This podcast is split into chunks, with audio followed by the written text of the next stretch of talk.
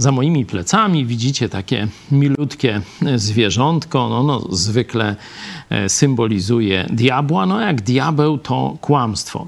Warto pamiętać, że kłamstwo, w zależności od, że tak powiem, rozwoju wydarzeń w świecie, będzie przybierało różne formy czy różne kierunki. W innych, można powiedzieć, obszarach będzie szerzone kłamstwo.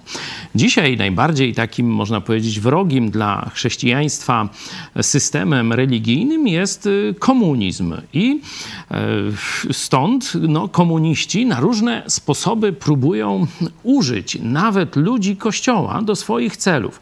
Pamiętacie lata 80., gdzie wielu duchownych, pastorów ze wszystkich kościołów, z katolickiego, protestanckiego, oczywiście moskiewskiego, no to głosiło, że trzeba się rozbrajać, że pokój, a w tym momencie Moskwa szykowała inwazję na Zachód. Oczywiście to Zachód miał się rozbrajać. Zobaczcie, pobożna mowa niby, ale właśnie to był swąd diabelski, ruskie onuce w kościele. Ale jak dzisiaj rozpoznać te ruskie onuce? Jesteśmy wzywani do tego, że na przykład w liście do Efezjan dni są złe, 5.17, a my mamy być nie nierozsądni, tylko rozsądni. W liście do Koryntian, w drugim, drugi rozdział, Paweł mówi, zamysły bowiem diabła są nam dobrze znane.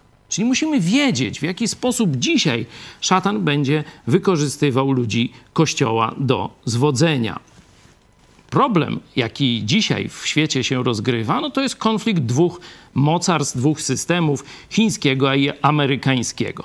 I teraz, jeśli w kościele, zarówno katolickim, jak i w protestanckich, bo słyszałem o takich pastorach, będą wam mówić, że zgnilizna idzie z zachodu, że najgorsza jest Ameryka, że tam no trochę gorsza Europa Zachodnia ani słowa nie powiedzą wam jednocześnie o zbrodniach komunistycznych Chin czy Rosji Putina, to już wiecie, że macie do czynienia ze śmierdzącą ruską onucą w kościele.